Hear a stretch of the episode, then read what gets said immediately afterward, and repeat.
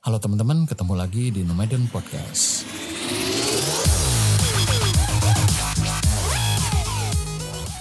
Podcast kecil-kecilan yang membahas hal-hal kecil di sekitar kita yang mungkin memiliki arti lebih dari apa yang sekedar kita tahu. Halo teman-teman, kali ini gue pengen ngebahas tentang salah satu bisnis yang susah-susah gampang buat dijalanin.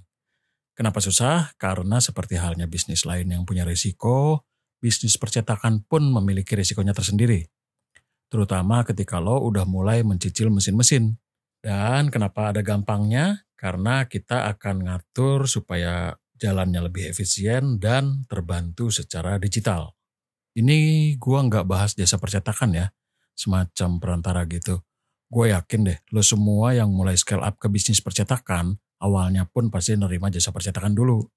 Karena dari situlah kita mempelajari flow dan teknis cetak di lapangan yang mungkin luput dari pembahasan teori. Ya hitung-hitung sambil bangun reputasi, banyakin kenalan orang di percetakan, kan juga kumpul-kumpul modal buat scale up bangun percetakan ke depannya. Ini sharing pengalaman pribadi, gue dulu mulai di bisnis percetakan sekitar 10 sampai 11 tahun lalu dan pivot ke usaha lain tahun 2016. Jadi adalah sekitar 4 sampai 5 tahun gue ada di bisnis ini. Tentunya nggak selama yang teman-teman jalanin. Pertama kali gue memulai, gue juga jadi perantara. Jadi karena basic gue itu graphic design, seringnya orang itu kalau gue charge untuk jasa desain gue, mintanya sekalian udah dicetak gitu, materialnya yang udah jadi. Padahal awalnya juga gue nggak begitu paham nih soal urusan cetak mencetak. Gue cuma tahu ngedesain, kalau mau dicetak ya convert CMYK, bla bla bla gitu ya, basic banget ya. Nah lanjut akhirnya sekalian deh gue cetakin. Cari yang paling murah, kadang yang paling cepet gitu. Akhirnya gue berpikir buat naikin income. Kalau cuma cari yang paling murah doang kayaknya kurang kan gitu. Akhirnya untuk memaksimalkan profit dan mengurangi modal cetak, gue mulai mempelajari beberapa hal deh. Kayak kertasnya gue beli sendiri di toko A gitu. Terus bikin plat cetak di toko yang berbeda lagi gitu. DLL deh pokoknya. Ya hal-hal yang kayaknya kita semua pasti jalanin deh. Kita semua pasti lakuin kalau kita lagi jadi perantara. Nah dari situ gue bisa ngelihat perbedaan harga dibanding order jadi hanya di satu tempat. Itu cuma emang lebih repot aja. Nah, tapi lumayan worth lah namanya juga masih muda, doyan warawiri gitu ya. Nah, long story short, akhirnya ada nih, gue ngikut temen gue yang waktu itu lagi ada wacana mau buka percetakan.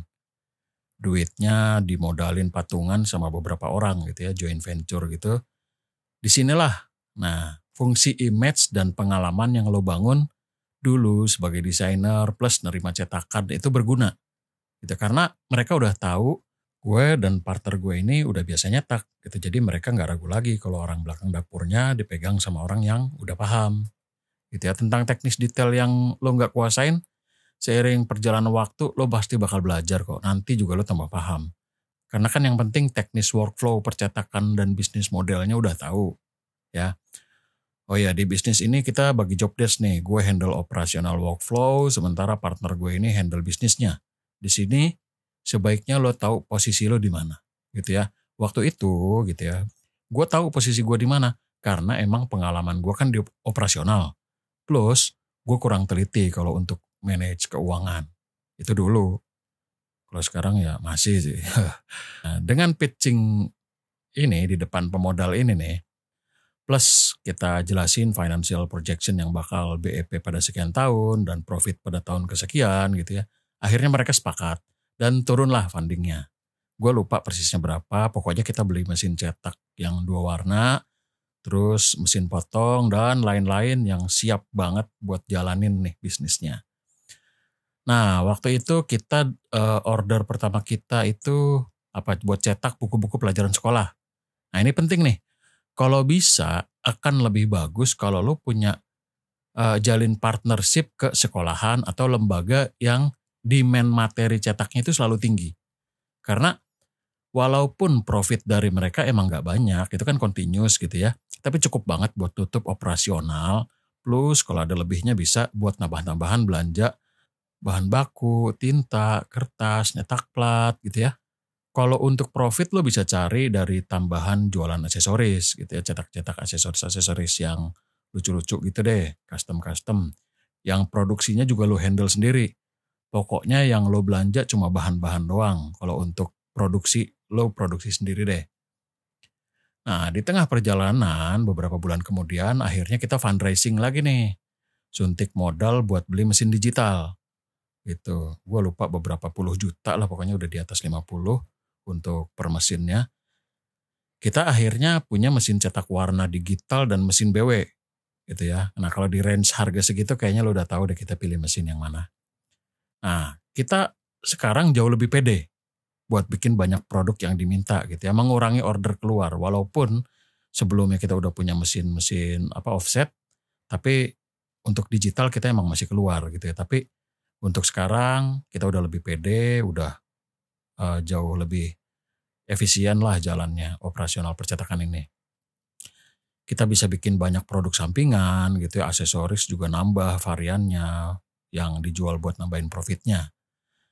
Yang harus lo inget dan jadiin catatan adalah matikan semua perangkat cetak digital ketika hujan gede.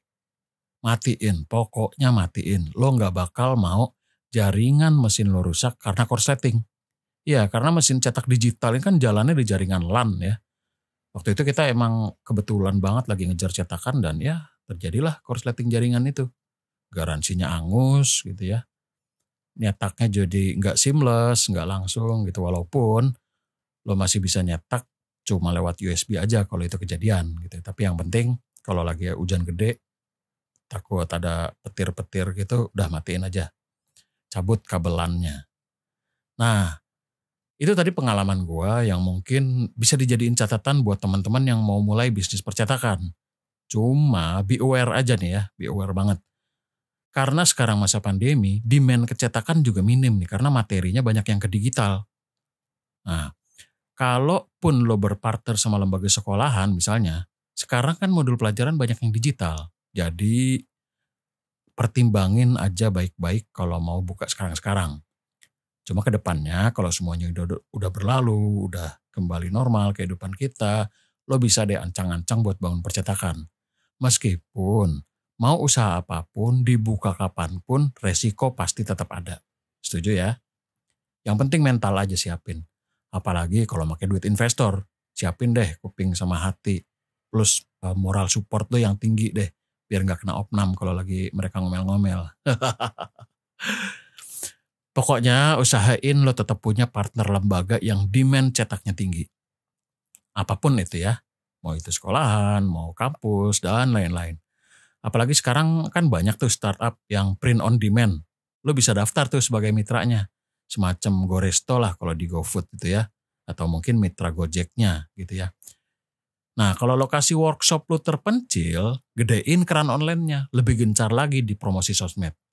Pakein layanan antar itu kan udah nggak ada ya, masalah lagi kalau sekarang kan banyak ojol yang bisa lo pakai jasanya. Nah, untuk tenaga buat ngerapihin cetakan atau istilahnya ngomplit nih kalau bikin buku, lo bisa coba cari tenaga lepas. Karena kalau load kerjaan lagi tinggi, lo bakal butuh banyak banget tenaga. Tinggal atur aja rate-nya yang sesuai. Uh, kayaknya segitu dulu ya sharing kita kali ini. Semoga lo bisa kelak bangun usaha apa pun di masa pandemi gini. Dan tetap semangat cari cuan. Thank you banget udah mampir di Nomadin Podcast. Gue Indra pamit undur diri dan kita ketemu lagi di episode selanjutnya.